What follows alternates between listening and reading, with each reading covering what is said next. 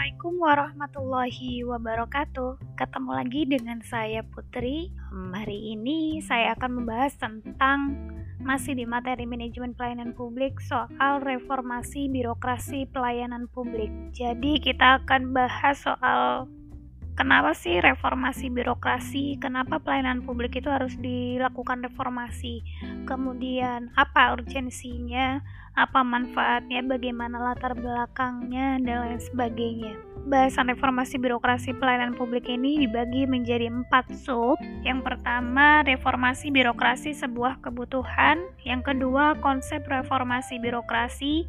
Yang ketiga, kebijakan reformasi birokrasi. Dan yang keempat, reformasi pelayanan publik. Kita akan bahas satu persatu. Yang pertama tentang reformasi birokrasi sebuah kebutuhan. Oke. Reformasi itu apa sih? Reformasi itu jika didefinisikan merupakan perubahan untuk perbaikan masyarakat atau pemerintahan. Sedangkan birokrasi adalah sistem pemerintahan yang dijalankan oleh pegawai pemerintah karena berpegang pada hierarki dan jenjang jabatan. Jika digabung, maka reformasi birokrasi adalah perubahan terhadap sistem pemerintahan menuju pemerintahan yang baik. Begitu. Jadi, reformasi birokrasi adalah bagaimana kita melakukan perubahan terhadap sistem pemerintahan yang sudah ada, dievaluasi, kemudian diperbaiki supaya kualitasnya menjadi lebih baik dari yang sekarang atau dari sebelumnya. Reformasi birokrasi muncul pasca runtuhnya Orde Baru tahun 1998 dilakukan dalam rangka menyapu dalam tanda kutip debu kotor yang melekat dan sulit untuk dibersihkan dalam kehidupan birokrasi. Debu kotornya apa sih? Dalam birokrasi? Debu kotornya itu mindset yang kaku, kepentingan pribadi dan golongan, KKN dan overkuasa, serta beberapa masalah-masalah lain yang dianggap um, bukan um, mencerminkan birokrasi yang baik. Kemudian untuk uh, menangani persoalan birokratisasi ini dibentuklah Kementerian Pendayagunaan Aparatur Negara dan Reformasi Birokrasi. Jadi ada kementerian khusus yang menangani hal ini. Kita ke poin selanjutnya, konsep reformasi birokrasi. Pelaksanaan reformasi birokrasi adalah dalam rangka meningkatkan kepercayaan masyarakat terhadap penyelenggaraan pemerintahan. Uh, ketika reformasi runtuh, masyarakat dan pemerintah merasa butuh untuk melakukan reformasi birokrasi, perbaikan birokrasi untuk meningkatkan kepercayaan, untuk meningkatkan trust masyarakat terhadap penyelenggaraan pemerintahan jadi ingin um, diperbaiki citranya bahwa pemerintahan atau birokrasi itu jauh dari yang namanya korupsi, bahwa pemerintahan atau birokrasi itu bisa menjadi berkualitas, akuntabel, dipercaya, servis bagus dan lain sebagainya. Adapun tujuan yang diharapkan dari reformasi birokrasi secara umum ada enam. Yang pertama, mengurangi dan akhirnya menghilangkan setiap penyalahgunaan kewenangan publik oleh pejabat di instansi yang bersangkutan. Yang kedua, menjadikan negara menjadi most improved bureaucracy. Yang ketiga, meningkatkan mutu pelayanan kepada masyarakat. Yang keempat, meningkatkan mutu perumusan dan pelaksanaan kebijakan atau program instansi. Yang kelima, meningkatkan efisiensi dalam pelaksanaan semua segi tugas organisasi. Dan yang keenam, menjadikan birokrasi Indonesia antisipatif, proaktif, efektif dalam menghadapi globalisasi dan dinamika perubahan lingkungan strategi reformasi ini harus mampu mengubah pola pikir dan bola budaya yang sudah ada menjadi lebih baik untuk berbagi peran dalam tata kelola pemerintahan. Oh, gampangnya adalah reformasi birokrasi ini tujuannya adalah untuk melakukan perbaikan di segala sisi dengan tujuan yang paling utama adalah meningkatkan trust. Jadi bagaimana menekan dan bahkan menghilangkan penyalahgunaan kewenangan, peningkatan mutu pelayanan dan lain sebagainya yang sering menjadi masalah-masalah dalam birokrasi di Indonesia berusaha untuk kurangi kemudian dihilangkan sehingga menjadi pemerintahan yang berkualitas, akuntabel dan memiliki pelayanan yang baik untuk uh, membuat reformasi birokrasi ini menjadi terukur dan terarah, Presiden mengeluarkan keputusan Presiden nomor 81 tahun 2010 tentang Grand Design Reformasi Birokrasi 2010 sampai 2025. Targetnya dibagi menjadi pencapaian lima tahunan. Pertama target 2010 sampai 2014 ada tiga target yaitu pemerintah bersih bebas KKN, peningkatan kualitas pelayanan publik dan peningkatan kapasitas dan akuntabilitas kinerja birokrasi. Kemudian target tahun 2015 sampai tahun 2019 bebas KKN, pelayanan publik sesuai harapan dan kebutuhan masyarakat, semakin maju dan berdaya saing dalam arus globalisasi, semakin baik akuntabilitas dan kapasitas kinerja birokrasi, sumber daya aparatur profesional, mindset dan culture set yang mencerminkan integritas dan kinerja semakin tinggi. Coba kita sambil angan-angan apakah di tahun 2020 ini pencapaian tahunan 2015 sampai 2019 ini sudah tercapai atau belum atau seberapa tercapai?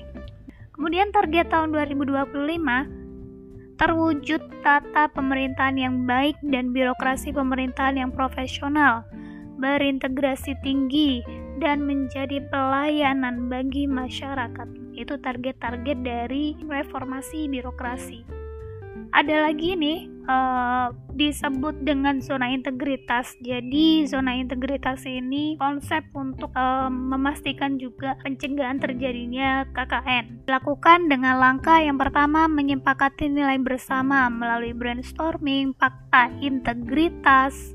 Jadi uh, biasanya kalau kita uh, diterima di sebuah instansi kemudian kita atau kita ada proyek besar biasanya ada fakta integritas untuk menjamin bahwa kita tidak melakukan hal-hal yang tidak sesuai atau tidak e, benar secara hukum.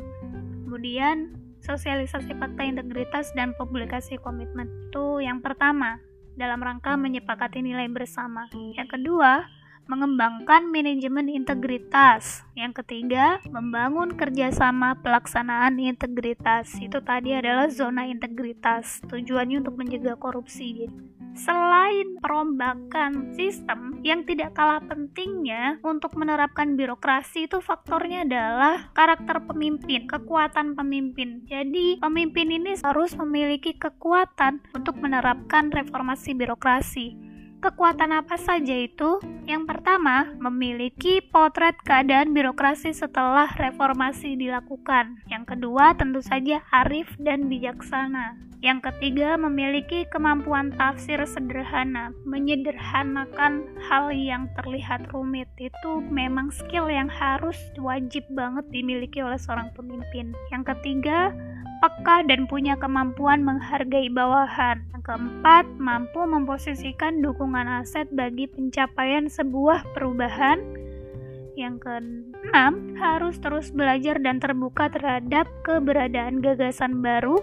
Dan yang ketujuh, menjadi teladan dalam kepemimpinan. Jadi, pemimpin ketika ingin menerapkan reformasi birokrasi pemimpin harus punya kekuatan at least um, 7 tadi. Sebagus-bagusnya sistem yang direncanakan, kalau misalnya pemerintahnya tidak arif dan bijaksana, pemerintahnya egois, tidak akan bisa tercapai reformasi birokrasi itu. Kemudian kalau misalnya pemimpin tidak memiliki kemampuan tafsir yang sederhana, tidak bisa menyimpulkan uh, satu hal atau satu kesimpulan yang simpel dari persoalan yang rumit, maka itu juga tidak akan membuat organisasi ini bisa berjalan dengan baik.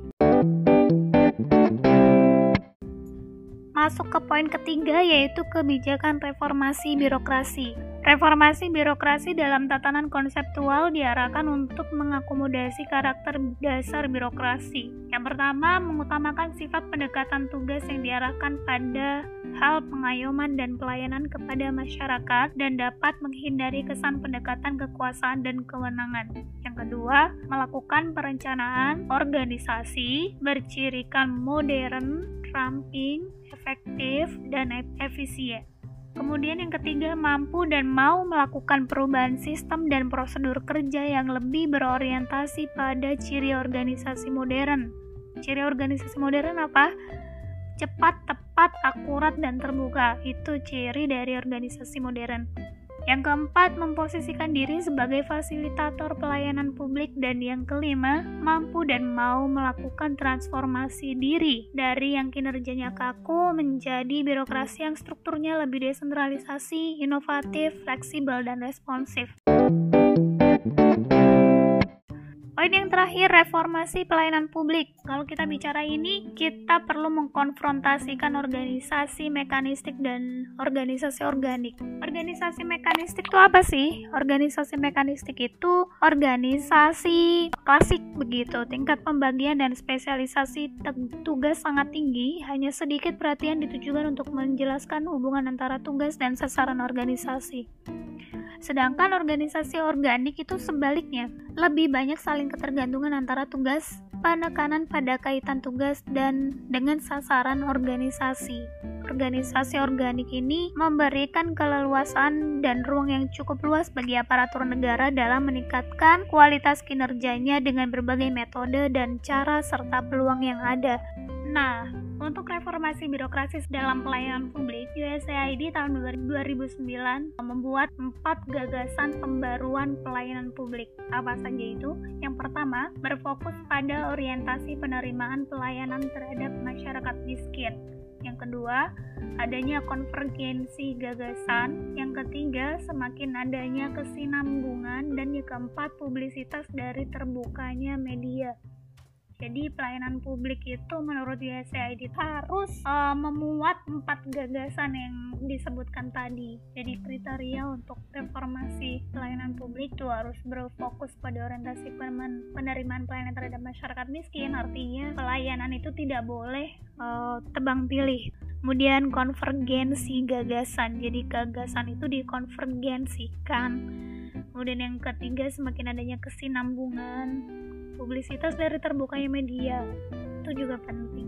Terakhir kriteria birokrasi berorientasi pada pelayanan publik. Jadi, birokrasi berorientasi pada pelayanan publik sebagai barometer bahwa dia sudah melakukan reformasi birokrasi, itu punya kriteria. Sebuah organisasi dikatakan sudah mengalami reformasi, sudah direformasi, sudah diubah sistemnya menjadi lebih baik, itu jika memenuhi kriteria berikut ini. Yang pertama, fokus pada fungsi pengaturan melalui kebijakan yang memfasilitasi berkembangnya kondisi kondusif bagi pelayanan masyarakat. Yang kedua, fokus pada pemberdayaan masyarakat. Yang ketiga, menerapkan sistem kompetisi dalam penyediaan pelayanan publik. Yang keempat, fokus pada pencapaian visi, misi, tujuan, dan sasaran. Selanjutnya, mengutamakan keinginan masyarakat.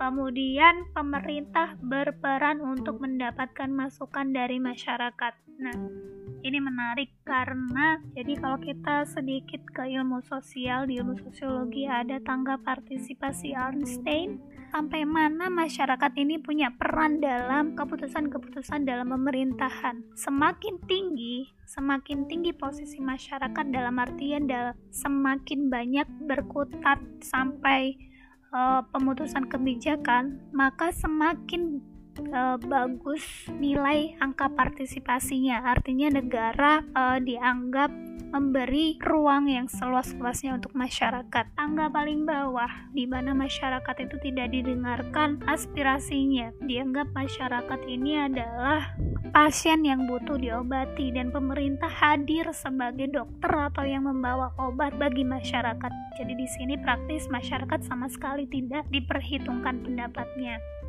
Kemudian di atasnya lagi masyarakat mulai didengarkan tapi uh, keputusan tetap ada di pemerintah. Kemudian yang lebih atas lagi, masyarakat sudah mulai bisa diberikan porsi untuk bisa melakukan brainstorming secara bersama-sama duduk kemudian keputusan dilakukan bersama seperti itu jadi semakin besar peluang masyarakat untuk turut merumuskan kebijakan maka semakin uh, tinggi nilai partisipasinya dan itu dinilai bahwa pemerintah sudah menerapkan asas partisipatif. Oke, kembali lagi ke kriteria birokrasi berorientasi pada pelayanan publik. Selanjutnya adalah melakukan antisipasi terhadap persoalan pelayanan publik. Selanjutnya ada sentralisasi dalam pelaksanaan pelayanan. Dan yang terakhir menerapkan sistem pasar dalam pelayanan. Oke, jadi kalau dirangkum secara singkat, Materi ini bicara tentang sebuah perubahan dari sistem birokrasi. Ada kesempatan untuk melakukan itu ketika ketika Orde Baru tahun 98 runtuh. Kemudian masyarakat bersama pemerintah merasa harus melakukan reformasi terhadap birokrasi sehingga uh, birokrasi bisa dikatakan lebih berkualitas, tidak identik dengan KKN, politik kekuasaan, over kuasa, pemimpin yang otoriter, pelayanan yang buruk semua itu ingin diperbaiki melalui reformasi birokrasi ini. Harapannya, kepercayaan masyarakat, trust masyarakat bisa meningkat terhadap pemerintahan seperti itu. Sekian materi hari ini, semoga bermanfaat. Wassalamualaikum warahmatullahi wabarakatuh.